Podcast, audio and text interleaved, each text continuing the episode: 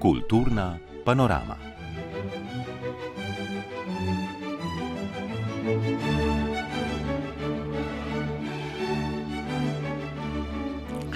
Po tednu dni je na vrsti tedenski zbor Ureništva za kulturo in Ureništva za resno glasbo tretjega programa, programa Ars Radia Slovenija. Tokratnega pripravlja skupina, iz katere naj najprej izpostavim Almo Kožel, našo glasbeno urednico, ki je poskrbela za izbor glasbe. Franci Moder skrbi za pravi zvok. Pred mikrofonom pa bom z vami Goran Tenze, ki bom sproti povezoval prispevke avtoric in avtorjev.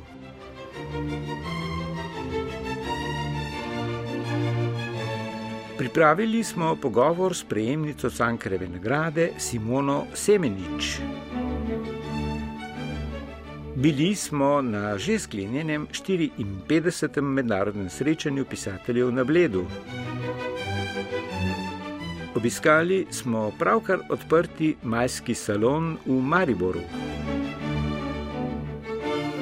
Pogovarjali smo se z Renato Salecel, ki je nedavno povezovala pogovor z ukrajinsko kuratorko in raziskovalko Katerino Jakovlenko. Ilustratorka Hanna Stupica je za Radio Slovenija spregovorila o svoji novi razstavi na Ljubljanskem gradu. Iz okvira gostujoče razstave v Muzeju novejše zgodovine v glavnem mestu se bomo spomnili nemških vojnih zločinov nad sovjetskimi vojnimi ujetniki med drugo vojno. Čisto pred zaključkom pa tudi o Habsburški cesarski uniformi, ki so jo v četrtek predstavili v Narodnem muzeju Slovenije.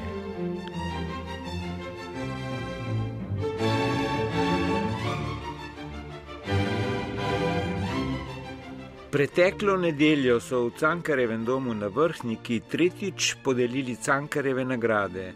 Te za najboljšo izvirno knjigo preteklega leta z področji pripovedništva, lirike, dramatike ali esejistike podeljuje več ustanov. Slovenski center PEN, Slovenska akademija znanosti in umetnosti, Univerza v Ljubljani ter znanstveno-raziskovalni center SAZU. Vsi pa v sodelovanju z občino Vrhnika. Letošnji nominiranci so bili Nina Dragičevič s pesniško zbirko To telo pokončno, Dušan Šarotar z romanom Zvezdna karta ter končna nagrajenka Simona Semenič z zbirko dramskih besedil Tri igre za punce. Več o letošnji Cankarevi nagrajenki Simoni Semenič je pripravil Matic Ferlan. Simona Semenič je slovenska pisateljica, dramatičarka in performerka. Za svoje dela je bila večkrat nagrajena, med drugim z nagrado Preširnovega sklada, nagrado Modra ptica in Zlata hruška ter kar tremi grumovimi nagradami. Zdaj pa je temu dodala še Cankarjevo nagrado za najboljše literarno delo minulega leta. Avtorica, ki v prvi vrsti ustvarja predvsem za gledališče, je leta 2018 v Arsovi oddaji Naši umetniki pred mikrofonom z Markom Goljo med drugim razmišljala o dramatikovem odnosu do gledališča. Če pač postavljajo moje drame na oder, nimam težav s tem, če jih črtajo, če jih spremenijo, če jih jemljajo samo za izhodišče, za neko predstavo. Nekako mi je bistveno samo to, da je predstava dobra, da me prevzame, da me na, pač na tak ali drugačen način um, inspirira. Mislim, kar se tega tiče, da bi, da bi rabila imeti kontrolo. Ja, ampak se je tako, tako nimaš. V bistvu največ kontrole imam, kadar pišem sama zase doma. Ampak potem pač tudi, kadar delam projekt, te kontrole niso, zmer produkcijski pogoji, pa to, pa ono, nikoli nimaš povsem kontrole. Kot ena rdečih niti se v avtoričinih delih na različne načine kaže telesnost. V Ti si čudež je osrednji povdarek na neizpolnjenih željah, ni to to, govori o ženskah, ki si želijo napisati dramo, a nobena misel ni dovolj dobra, da bi jim to uspelo. Lepe vide lepo gorijo pa pripoveduje zgodbo čarovnic, izjemnih žensk, ki so bile strani družbe zatirane in odrinjene na rob. Še pred podelitvijo letošnjih Cankarjevih nagrad je Simona Semenič v pogovoru nominirancev z literarno kritičarko Diano Pungršič ilustrirala svojo krovno temo. Telo kot poligon za različna izživljanja, mučenja, to je pač en vidik tega telesa, recimo, če zelo preprosto naredim ta, uh, to dvojnost, drugi vidik je meni telo, telo kot nekaj, kar ni manj vredno. Telo ponavadi nekje razumemo ali pa nas naučijo razumeti v naši kulturi, recimo, kot nekaj pač manj vrednega. Duša je tista, ki je pač več vredna ali kaj se ne zavest, ne vem. Skratka, telo je tisto, ki vleče k tlom. Nič telesnega ne bi smelo biti slabega no, ali pa slabšega. Uh, se pravi, vse tri drame jaz jemljem, razumem kot neko trilogijo, kot nek, neko celoto, čeprav so bile različ, v različnih kontekstih uprizorjene, recimo odrsko, ampak knjiga se konča dve dvanajstletni deklici se smejita in se smejita še. Se pravi, kljub vsem uh, gorenju, mučenju, ne vem, grmadah, ki se zgodijo, dve dvanajstletni deklici se smejita in se smejita še. Konča se s smehom, konča se s tem telesom in s to mislijo in s to dušo, ki se smeji in ostaja in bo vedno ostala. Uh, jaz mislim, da sem zelo optimistična, vedra pisateljica. In podelitev Cankareve nagrade tej optimistični in vedri pisateljici, ki je minulo nedeljo na vrhniki povedala, da je hrepenenje ena najlepših slovenskih besed, je članica strokovne žirije Alenka Koron utemeljila takole. Avtoričena nekonvencionalna pisava se upada s pojavom postdramskega gledališča, ki besedilo uporablja kot enakovreden uprizoritveni element. Za tako dramatiko je treba gledališče iznajti in v tem pogledu ima Simona Semenič v slovenskem prostoru pomembno vlogo. Ko namreč teater najde kod in pravo pot do njene pisave, se zgodijo uprizoritveni presežki. Ob koncu bomo s kratkim izsekom iz literarnega nokturna, ki smo ga v prejšnjem tednu namenili Simoni Semenič in njeni drami Ni to to, pokukali v svet letošnje Cankareve nagrajenke prek zgodbe protagonist, ki si želijo napisati dramo, a dialoge vse čas popravljajo in dopolnjujejo ali pa kar povsem črtajo in spreminjajo, se med drugim opredeljuje tudi do svoje dramske pisave in do stalno spreminjajoče se slike končnega besedila. Celotnemu odlomku lahko prisluhnete na Arsovi spletni strani.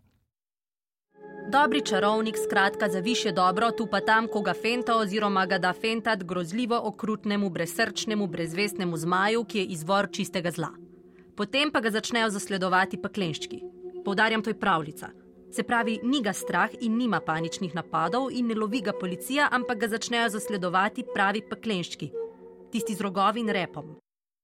Vstopijo peklenščki z rogovi in repom in zaplešajo peklenski ples. Ne, ne, zdaj samo pripovedujem, spektakel pride kasneje. Peklenščki z rogovi in repom odidejo. No, na koncu ga pa rešim. Najprej premagam zmaja. Prvi in tretji moški pripeljeta na oder ogromnega zmaja na kolesih. Ne, no. Prvi in tretji moški odideta. Zmaj ven. Sofija in Lucija potisneta zmaja za oder. Marija se ta čas še vedno žvali. Torej, jaz sem Furija, angel v človeški podobi.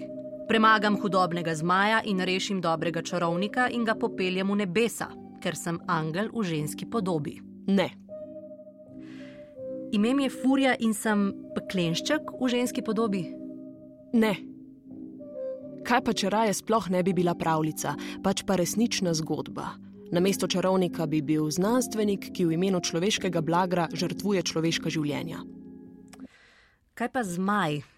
Zmaj je spektakularen, je dih jemajoč. Ne.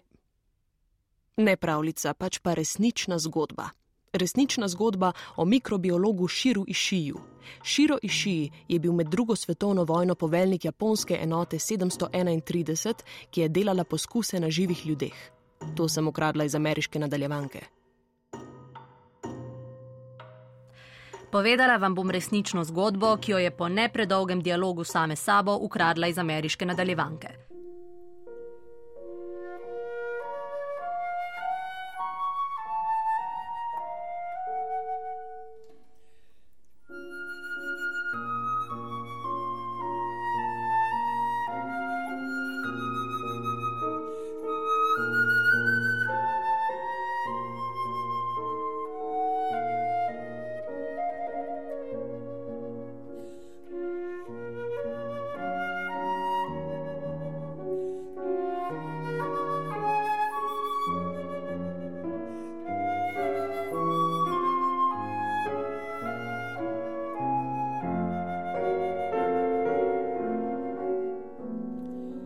Na Bledu se je včeraj zaključilo 54. mednarodno srečanje pisateljev.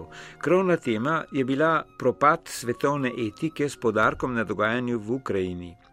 Na štirih okroglih mizah so pisatelji razpravljali tudi o posledicah vojne v Bosni, posledicah epidemije, pa o sovražnem govoru ter o zatonu demokracije. Pred začetkom srečanja je v Ljubljani ob prevodu romana Istanbul, Istanbul, ki je nedavno izšel pri Cankarevi založbi, gostoval predsednik mednarodnega pena Burhan Sönmez, več pa Vlado Motnikar. Kar običajno je že, da novo izvoljeni predsednik mednarodnega pena v prvem letu mandata obišče blejsko srečanje in tudi 54. mednarodno srečanje pisateljev na Bledu se je v torek začelo z gostovanjem Burhama Sonmeza, ki je bil za predsednika izvoljen lani septembra.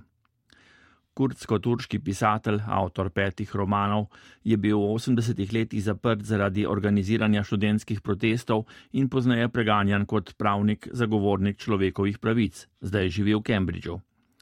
Ena izmed tem letošnjega bleda je propadanje globalne etike in ob kandidaturi za predsednika mednarodnega pena se je gotovo moral vprašati, kakšno moč imajo pisatelji oziroma razumniki v sodobnem svetu. Pisatelji zaupamo v moč svojega pisanja, verjamemo, da pišemo čudovite knjige, ljudje jih berejo in to pomeni, da imamo vpliv v družbi. Seveda pa nikoli ne pretiravamo s svojim pogledom na moč tega vpliva. Ostajamo doma, sedimo za mizo in pišemo knjige. Nekega dne pa zagledamo sebe ali svoje kolege v zaporih. Ko se vprašamo, zakaj, saj smo vendar samo navadni ljudje, ki pišemo knjige, se izkaže, da je v naših rokah velika moč, ki jo politiki prepoznavajo in se je bojijo. In če se nas bojijo, to pomeni, da naš pen počne nekaj dobrega za družbo.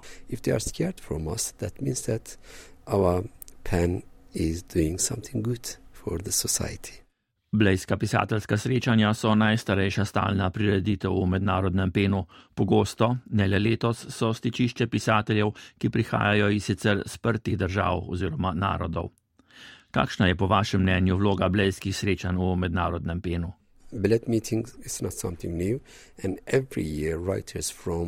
Blejska srečanja trajajo že desetletja in vsako leto se tu družijo pisatelji iz različnih držav in razpravljajo o raznovrstnih aktualnih temah.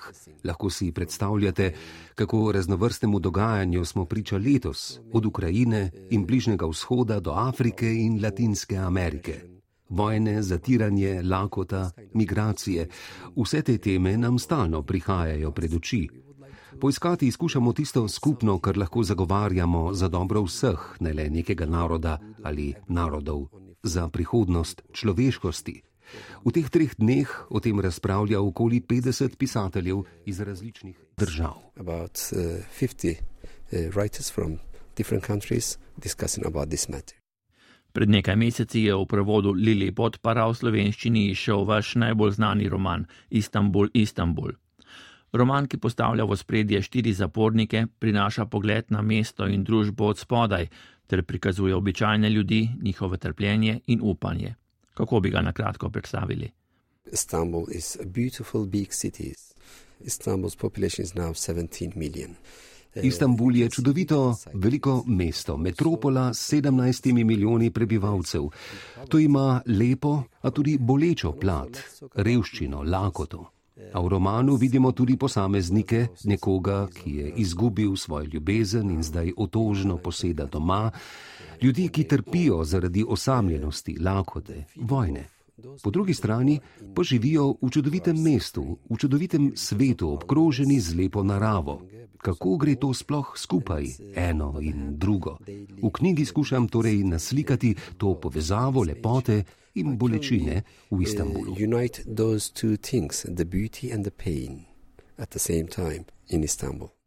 Istanbul, Istanbul je vaša prva knjiga v slovenščini, poznamo pa že Istanbul, kot ga je prikazal Nobelovec Orhan Pamuk. V čem se razlikujeta? In general, I can say Orhan's Istanbul is divided uh, in two parts mainly. Na splošno je Pamukov Istanbul razdeljen na dva dela, vzhodnega in zahodnega, preteklega in sedanjega. V mojem romanu je Istanbul razdeljen drugače, ne po smerih, ampak po plasteh. Je Istanbul pod zemljo in nad njo, v temi in na soncu. Istanbul je in dark in Istanbul in sunshine. Vojna v Ukrajini je bila ena izmed osrednjih tem srečanja pisateljev Pen na Bledu. Udeležili sta se ga dve beloruski avtorici in ena ukrajinska. Na povabilo organizatorjev pa se ni odzval niti en ruski avtor ali avtorica. Na Bledu so se sicer v preteklosti srečevali pisatelji iz največjih vojnih žarišč. Za srečanje med ukrajinskimi in ruskimi pisatelji pa letos, kot kaže, še ni prišel čas. Saj, kot pravijo naši sogovorniki, se Rusi, ki nasprotujejo vojni, čutijo preveč osramočene. Nekaj povdarkov z Bleda je zbral tudi Aleksandr Čobac. Vojna v Ukrajini je šokirala rusko elito in pisatelje, meni Irina Starovojt iz ukrajinskega pena. Niso vsi Rusi tako militantni. Po njenih informacijah je bila odločitev o totalni vojni sprejeta v zelo oskem krogu in tudi v tem krogu se niso v celoti zavedali, kam jih bo pripeljala vojna, da bodo celo otroci posiljeni, pohabljeni in nepokopani. Rusi si niso mogli predstavljati, da bodo ukrajinska mesta porušena, kot so bila med vojno mesta v Čečeniji in zato Ukrajincem Rusi ne verjamejo. Irina Starvojt pravi, da počasi prihaja čas, da se Rusiji povrne obraz, čeprav misli, da pošast nima obraza. Verjame, da bo prišel proces velikega, velikega kesanja, vendar ne ve, ali ga bo ona in njeni otroci doživela. Razume tudi, da Rusi sploh ne morejo prebaviti vseh informacij o vojni, zaradi katerih so osramočeni. Na dogodke, kot je Blejski, pa po njenem nima smisla vabiti pisatelje, ki živijo v Rusiji, saj ti ne morejo zapustiti države brez dovoljenja Zvezdne varnostne službe FSB. Mislim, da ljudje, ki bi se udeležili srečanja, kot je naše, srečanja PEN, vedo, da nam ne morejo povedati nič novega. So šokirani v žalosti in se čutijo osramočene, kar je verjetno razlog, da se niso pojavili. Moramo pa biti previdni pri vzpostavljanju stikov z Rusi. Ohranjati moramo zasebne, družinske ali prijateljske stike, še posebej s tistimi, ki nas podpirajo, ki vedo, da trpimo in nam želijo pomagati. V stikih med državami, organizacijami in ustanovami pa je drugače. Nihče od Rusov, razen tisti, ki živijo v izgnanstvu, ne morejo potovati v tujino brez dovoljenja varnostne službe FSB, zato ne bi bilo prav, če bi se pogovarjali z Rusi, ki jim je dovoljen izhod iz države. Menim, da so Ukrajinci tako dobri kot slabi. Vsi skupaj, brez razlike, pa so bombardirani, posiljeni in pohabljeni. Tudi Rusi so prav tako dobri in slabi. In prav tako brez razlike bi morali ustanove z njimi prekiniti vse stike, dokler ne zapusti Ukrajine zadnji ruski vojak. Ties could be cut institutionally with all of them until last Russian soldier will withdraw from Ukrainian territory. Na Bledu so se leta 1965 prvič srečali pisatelji Sovjetske zveze s pisatelji zahodnih držav. Zdaj pa smo prišli v situacijo, ko bomo morali k dialogu povabiti pisatelje znotraj istega naroda, Ruse, ki podpirajo vojno in tiste, ki nasprotujejo, poudarja stalni sekretar mirovnega odbora PEN Edvard Kovač. Tiste, ki smo pa mi kontaktirali, ne, je pa zelo težko, ker tisti, ki živijo v egzilu, Ruse moramo razumeti, doživljajo današnje trenutke kot zelo traumatične za njih, se čutijo zelo ponižane, kaj dela preko ruska oblast ne, proti njihovi volji. Pravi, to ni Rusija, to ni ruska duša, ne. mora priti tudi do zrelega trenutka, da bo lahko pogumno spregovorili in da jih potem ruski mediji televizija in časopisi ne bodo tretirali kot izdajalce. Na bledu pa sta dve pisateljici iz Belorusije. Ena izmed njiju, ki živi na polskem in deluje v beloruskem penu izgnanstvu, je pozvala javnost, da v teh težkih časih za Ukrajino ne pozabi na Belorusijo in vse, ki so preganjeni v njeni domovini. Ob enoznačnih obsodbah vojne v Ukrajini pa so bili nekateri pisatelji na bledu tudi kritični do prepovedi ruskih medijev v zahodnih državah. Poudarili so, da če je svoboda govora dovoljena le za nekatere oziroma ni za vse, potem ni svobode govora.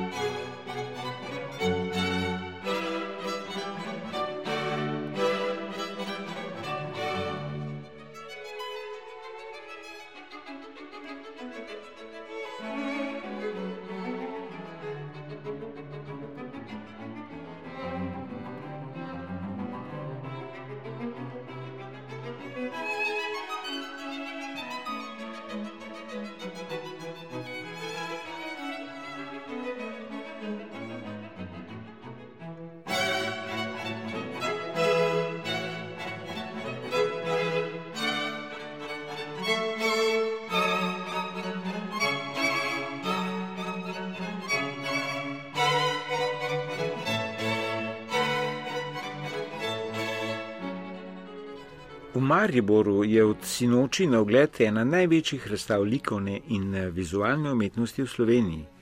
Zveza društv slovenskih likovnih umetnikov je namreč letošnjo razstavo Majski salon z 220 sodelujočimi umetniki umestila v veliko razstavišče Kibla portal v Mariboru. Od tam se je oglasila Brigita Mohorič. Majski salon je razstava z najdaljšo tradicijo, pripravljajo jo namreč že od leta 1909 in predstavlja tradicionalno letno razstavo članov Zveze društv slovenskih likovnih umetnikov.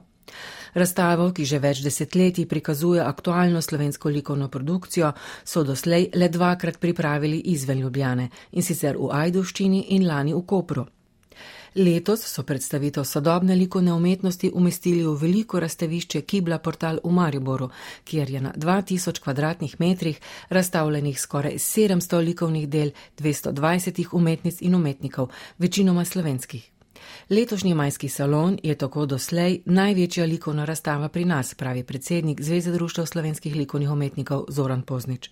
Postavitev, ki so jo kustosi na čelu z Aleksandrom Kostičem postavili na ogled, je zame navdušujoča in se lahko postavi ob bok katerikoli razstavi, v katerem koli velikem svetovnem centru, kjerkoli.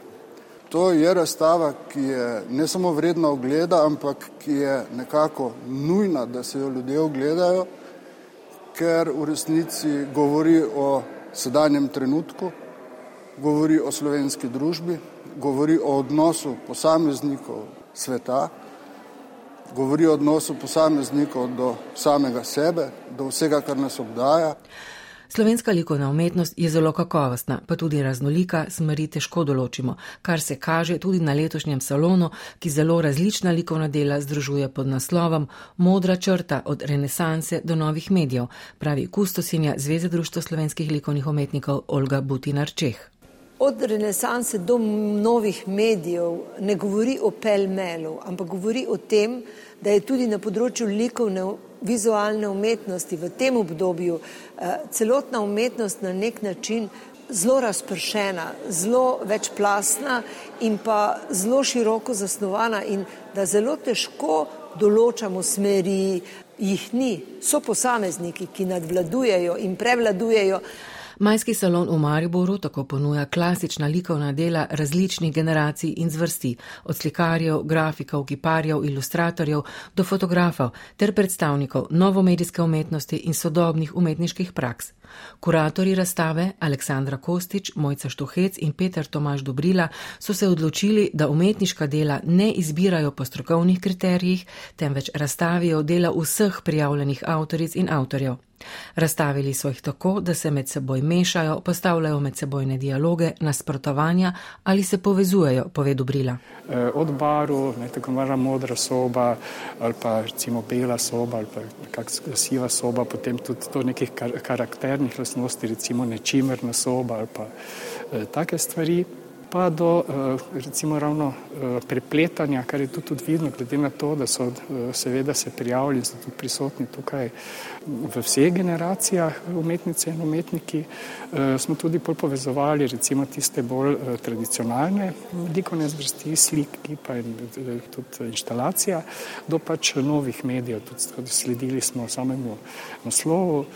Eh, modrega salona od renesanse do novih medijev in na ta način tudi poleg pač te umetniške simbioze ustvarili tudi neko eh, medijsko simbiozo različnih recimo pristopov in tudi recimo, ga rečemo, generacij, skratka tudi ta medgeneracijski in seveda jasno, da eh, socialni dialog. Razstava ponuja upogled v sodobno slovensko likovno umetnost, hkrati pa tudi svoje vrstno primerjavo z mednarodnim prostorom, saj so razstavljena dela kar iz 16 držav. Gre za v tujini živeče slovenske umetnike in tujce, ki so člani naših umetniških društev in sodelujejo na tokratni razstavi, dodaja Poznič. Tako da je to na en način tudi ne samo katedrala slovenske vizualne umetnosti uh, na začetku 21. stoletja, ampak tudi nekakšen poizkus, naš poizkus primerjave, kje smo v odnosu do tega, kar se dogaja v evropskih galerijah in tudi na svetovnem prizorišču vizualnih umetnosti. In mislim, da brez sramu, brez zadrega lahko rečem, da ne samo, da sledimo, ne samo, da smo ob bok, ampak seveda z nekaterimi svojimi vrhovi tudi v resnici kažem pot naprej ne samo nam, ampak še komu drugemu. Majski salon z okoli 700 različnimi umetniškimi deli 220 avtorjev sta v razstavišču Kibla portalu Mariboru postavila Aleksandra Kostič in Borut Venzel. Ogledate pa si ga lahko do 13. julija.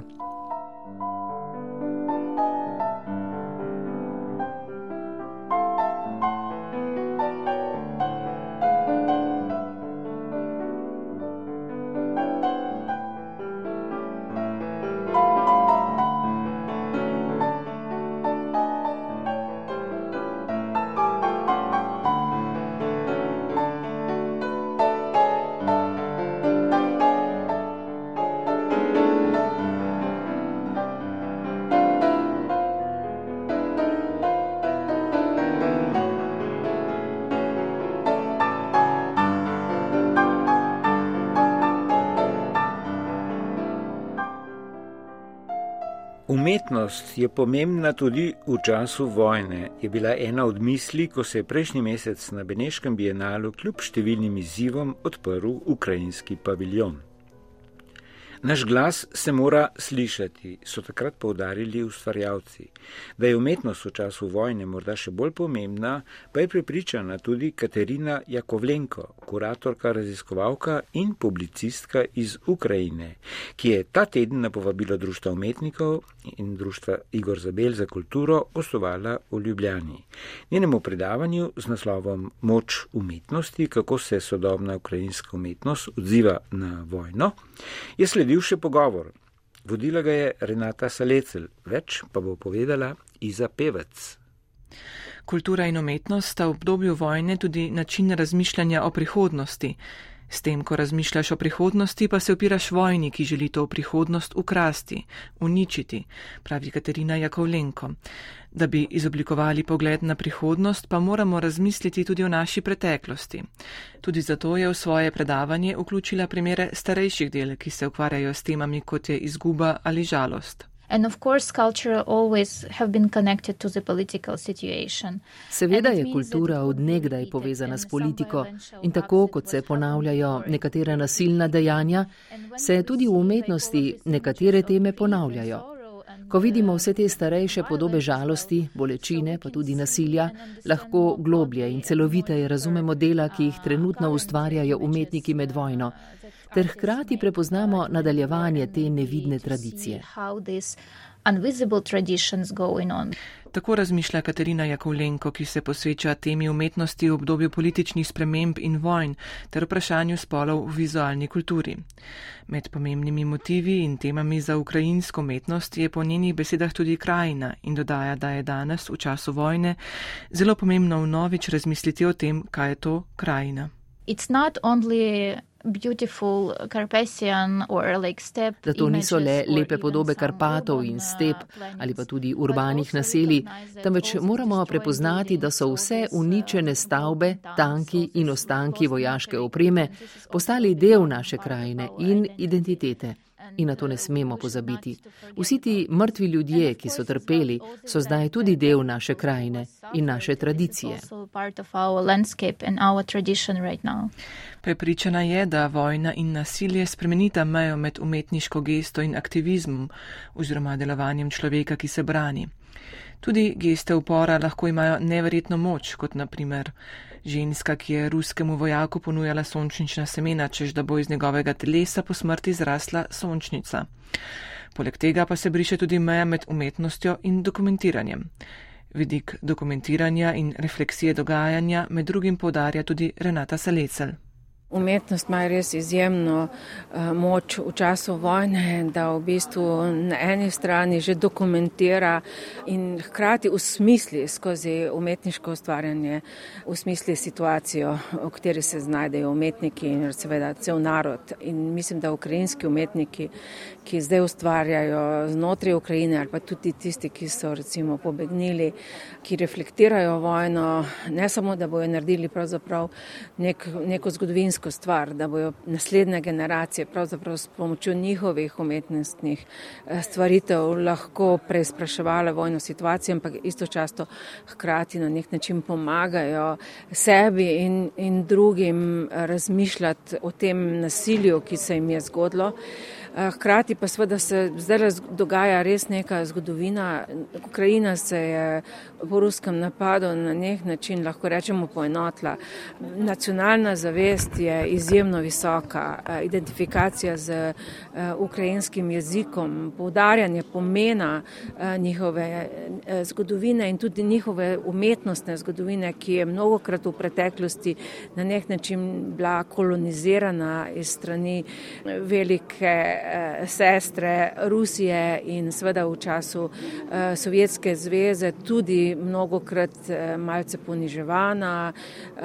Včasih so bili v sovjetskih filmih Ukrajinci risani predvsem kot, kot kmetje ali kot neke vrste bolj drugorazredni ljudje in zdaj se v bistvu Ukrajina dejansko postavlja na noge poudarja svojo zgodovino in vse, kar se ustvarja zdaj, bo v bistvu del te zgodovine, ki se seveda piše te vojne zgodovine, eh, ki se dogaja zdaj. Jaz mm, se res globoko priklanjam umetnikom, ki imajo to moč, da sredi najhujše vojne vihre ohranjajo neko koncentracijo dela, ustvarjanja in mislim, da je zelo pomembno, da v Evropi jim odpremo vrata galerij, da mi se preko njihove umetniške prakse pravzaprav na nek nov način učimo o tem, kaj se je njim zgodilo zgodilo in seveda, kar se lahko zgodi tudi nam oziroma drugim narodom v svetu. Ukrajinci se ne borijo le na bojišču, temveč tudi zato, da bi bil v kulturi in umetnosti slišan njihov glas. Pavlo Makov, ki na Beneškem bienalu letos zastopa Ukrajino, je prepričan, da je pot do vojne pomagal tlakovati tudi ruski kulturni kolonializem. Vojna se torej bori na več frontah, med drugim na družbenih omrežjih, česar se zavedajo tudi Ukrajinci.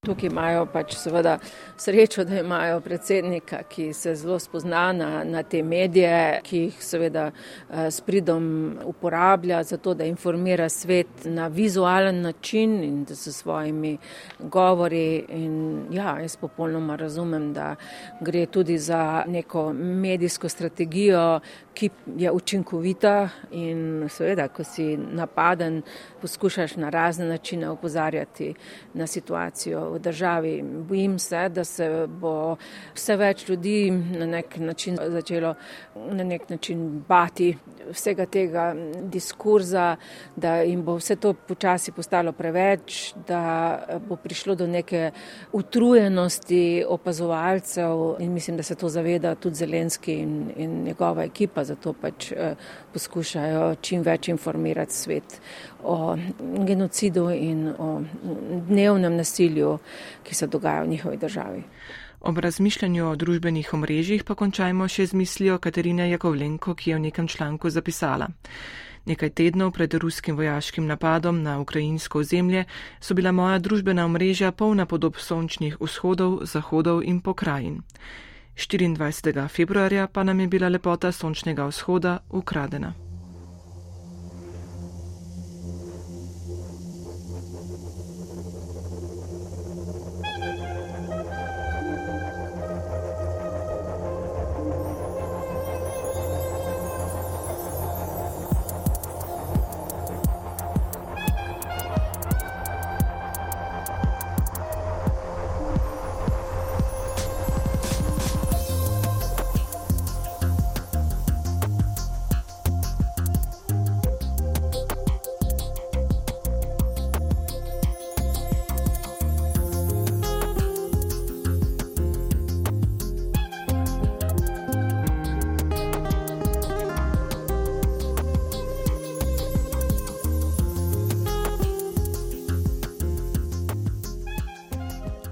Srede je na Ljubljanskem gradu na ogled razstava ilustracij Hane Stupica.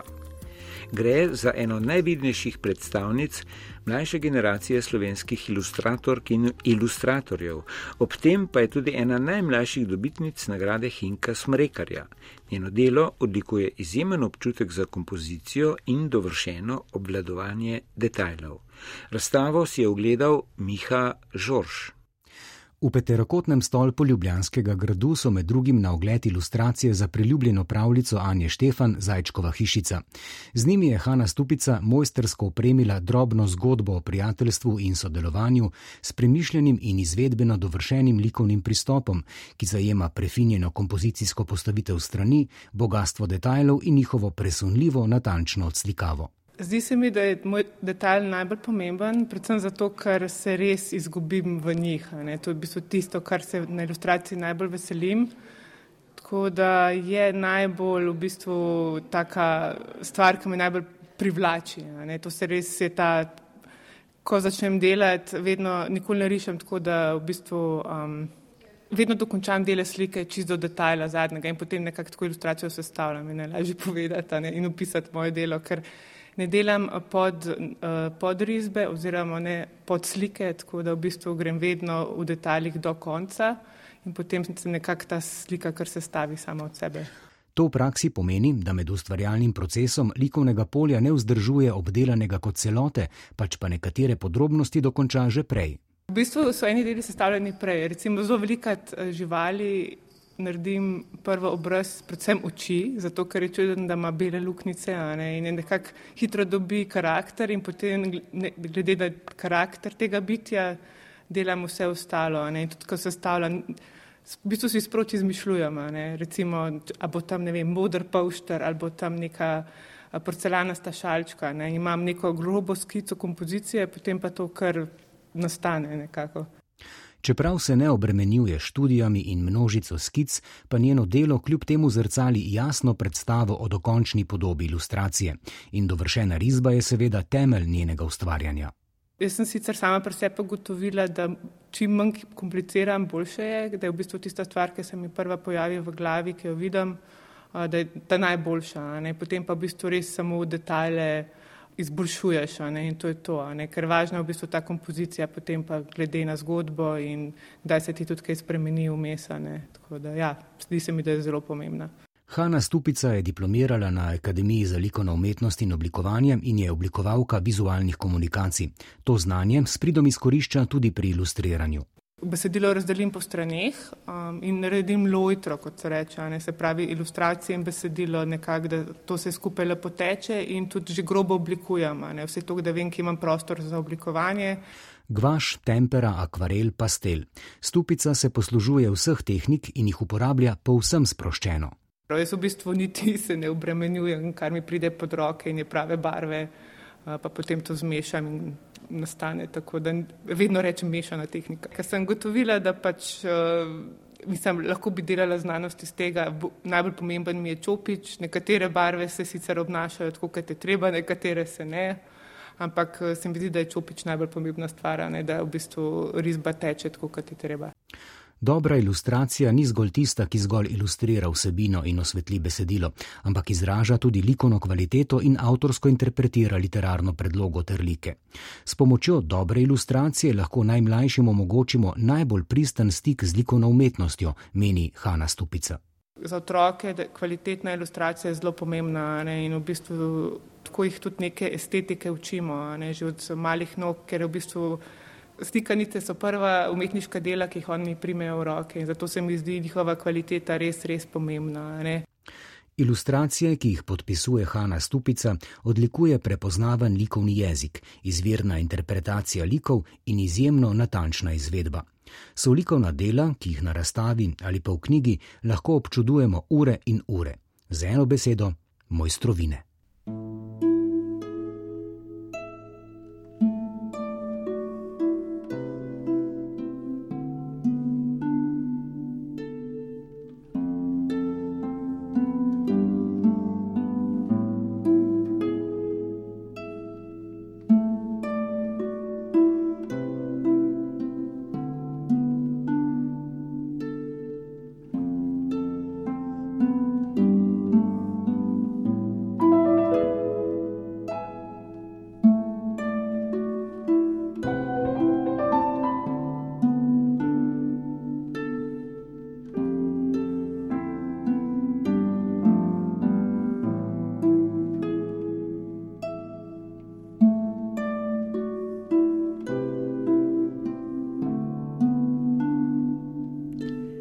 Bolni so bili pomešani z zdravimi, po naših telesih so lezle uši in podgane, zdravniške pomoči sploh ni bilo.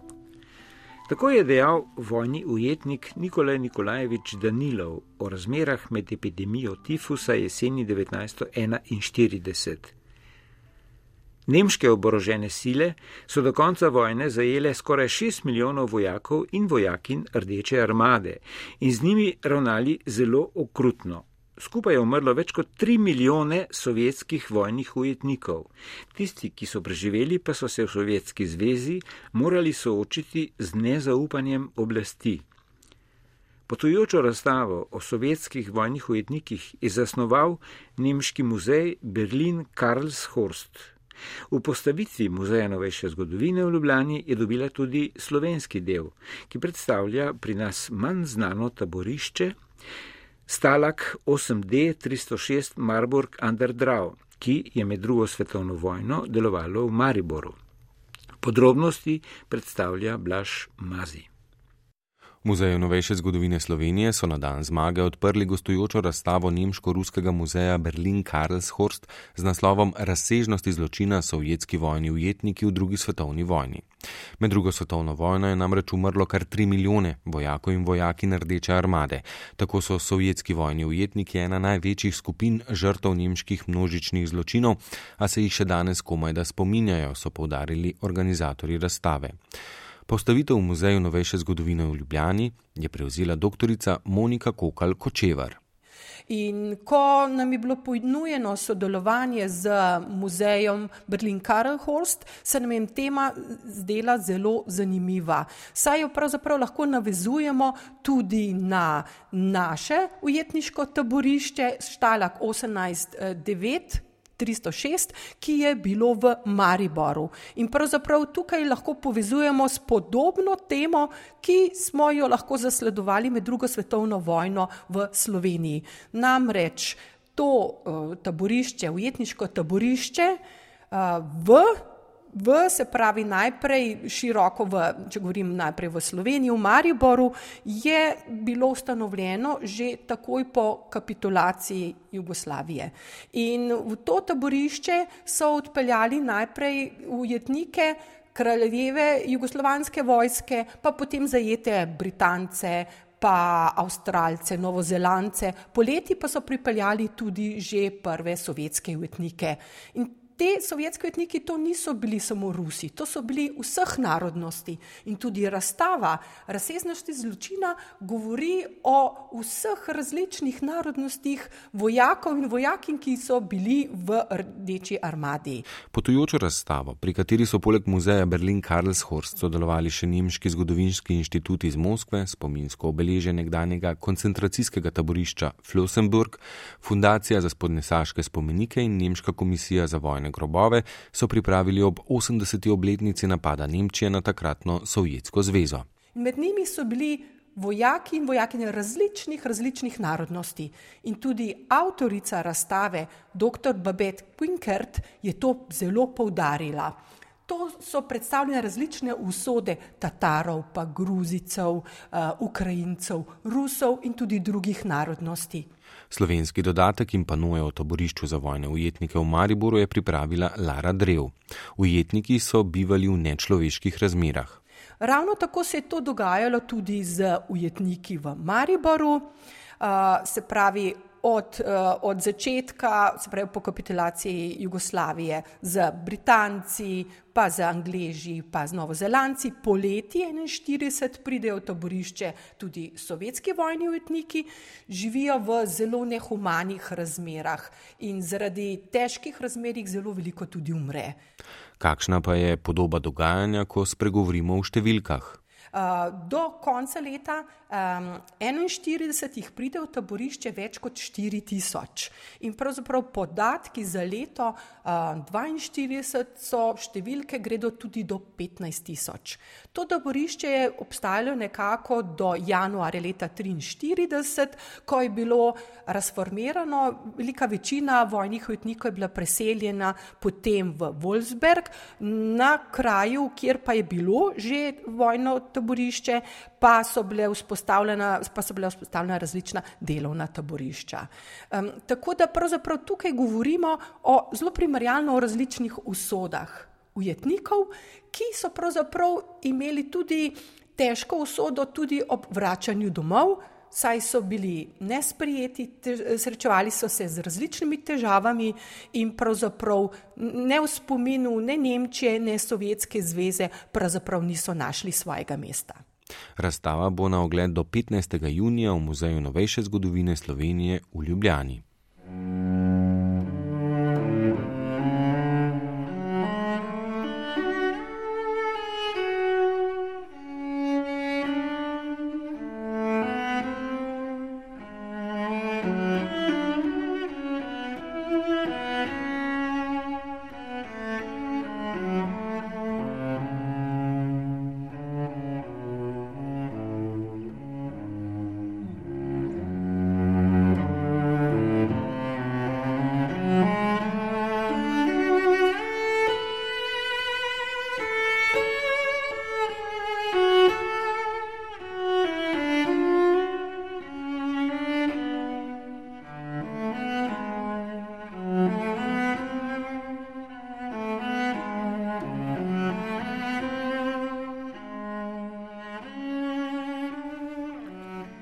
Četrtek so v Narodnem muzeju Slovenije v glavnem mestu pripravili, citiram, ekskluzivno predstavitev uniforme Franca Jožefa I. za novinarje. Zakaj in kako se je ta uniforma znašla na tej predstavitvi? Podroben opis bi utegnil postati scenarij za kakšen film, ki bi nemara naslavljal spremenljive identitete ljudstva slovencev skozi čas. V okviru priprav na jesensko razstavo o odlikovanjih znamenitih slovencev je direktor muzeja od decembra 2020, dr. Pavel Car, eden tukajšnjih bolj redkih poznavalcev uniform in odlikovanj vojska starih režimov, takoj prepoznal uniformo, ki naj bi pripadala pred zadnjemu Habsburškemu cesarju. Stari so mu ljubkovalno rekli naš Franci. Dr. Car je svojo dizertacijo na oddelku za zgodovino v Ljubljani opravil prav z področja odlikovanj in z njimi povezanimi insignijami. Zakaj je torej uniforma predzadnjega cesarja pomembna? Ja, najprej bi rekel, da je to izjemen muzejski kos uniforme cesarja Franca Jožefa I. Sovjetke. V glavnem so vse na Dunaju, v vojno-zgodovinskem muzeju ali pa v Horburgu. Je bil pa cesar Franc Jožef, za katerega vemo, da je vladal 68 let, cesar tudi ne slovencev. Mi smo živeli takrat v okviru tedanje Avstrije in kasneje Avstro-Ogrske monarhije. In stavi cesar se je čutil na nek način očeta vseh narodov in je bil tudi med ljudmi precej priljubljen. In med njegovo uniformo, se pravi uniformo, ki je cesar nosil, je pravzaprav za muzej izjemen muzejski kos. Ta uniforma ima zanimivo zgodbo. Prišla je v muzej leta 1913, ko jo je podaril plemič iz Graca von Stefeneli in jo je kot darilo dal takratnemu Rodolfinomu, Krajinskemu državnemu muzeju. Zanimivo je, da ni ostala v Gracu, ampak je iz Graca prišla v Ljubljano. Potem je padla v pozabo za nekaj časa, Ko je cesarstvo Habsburgov jeseni 1918 razpadlo, je uniforma torej za kar nekaj časa izgubila zaželjenost. Saj je takrat stara Avstrija med slovenci čez noč postala sinonim za ječo narodov. Z uniformo našega Francija pa si takrat v Ljubljani nisi mogel pridobiti naklonjenosti stebrov družbe. Vmes je bila še ena vojna, v kateri so tisti, ki so bili zadnjega cesarja z družino vred nagnali z Duneja, ukorakali v Ljubljano in jo maja 1945 zapustili šele pod prisilo orožja domačinov. Potem pa so prišla 60. in v Mariborskem muzeju so se odločili pripraviti razstavo o starih uniformah. Narodni muzej jo je tja posodil in tam je ostala dobrega pol stoletja. Takrat je bil tam direktor Sergej Vrišer, eden največjih povojnih poznavalcev uniform prejšnjih časov. Sergej Vrišer, ki je bil nesluten avtoriteta na tem področju in gotovo jo je prepoznal. Vendar za časa socializma imam jaz občutek, ni bilo pametno mahati za cesarsko uniformo bivše avstrijske monarhije, tako da so mogoče zaradi tega imeli malo v kotu. Kasneje, ko je se Vrišer, Sergej Vrišer umaknil, je del tega znanja z njim tudi odšlo. In v Mariboru je bila dolga leta uniforma na stalni postavitvi, vendar ne kot uniforma cesarja Franca Jožefa. In kot že rečeno, jo je po zimi v okviru priprav na letošnjo jesensko razstavo v Narodnem muzeju tam prepoznal dr. Pavel Car. Glejte, jaz odlikovanja in uniforme preučujem pravzaprav že 30 let. Uh, prepoznal sem jo takoj, ker sem jo videl, vendar nisem mogel verjeti svojim očem, ker uniforma je bila posojena Mariborskemu pokrajinskemu muzeju. Uh, in tudi, če bi jo videl v Ljubljanskem muzeju, v Narodnem muzeju, bi bil začuden, odkje je uniforma Franca Jožefa tukaj. Ne? Uniforma, ki so jo za predzadnjega Habsburškega cesarja naredili nekaj let pred poroko njegovega nečaka Karla Scito, slednji je bil pa res zadnji cesar, se mu je cesarstvo razpadlo v srednje evropske naslednice leta 18, bo jeseni na ogled na omenjeni razstavi, je pa vse skupaj projekt nekaj slovenskih muzejev. Na četrtkovi predstavitvi so sodelovali še kolegi iz Muzeja novejše zgodovine in konzervatorka za tekstil iz Polskiego Muzeja Ptuj Ormosz. Na predstavitvi uniforme, ki jo bo potrebno še dodatno restaurirati in konzervirati, čeprav je odlično ohranjena, blago je iz fino tkane volne, se je dalo izvedeti, da njeno pristnost dokazujejo tudi arhivski dokumenti. Podpisani in potrjeni izjavi sicer Ljubljančana po rojstvu Franca plemenitega Stefenelija iz Graca, zahvalno pismo takratnega direktorja Kranskega državnega muzeja Mantuanija in zapisi v muzejski inventarni knjigi iz leta 1913. Takrat je uniforma tudi prišla v Ljubljano. V teh dneh se jo da videti v različnih medijih, zelo verjetno pa, kot že rečeno, jeseni na novi razstavi v Narodnem muzeju Slovenije.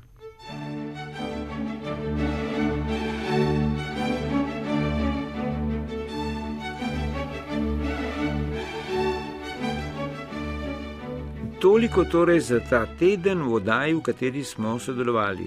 Matic Frlan, Vlado Motnikar in Aleksandr Čobec, Brigita Mohorič, Iza Pevec, Miha Žorž ter Blaž Mazi. Za glasbo je poskrbela Alma Kožel, za zvok pa Franci Moder. Urednica uredništva za kulturo je Maja Žvokl, oddajo pa sem uredil, pripravil in povezoval Goran Tenze. Kmalo bo vse v naših, predvsem pa vaših internetnih arhivih.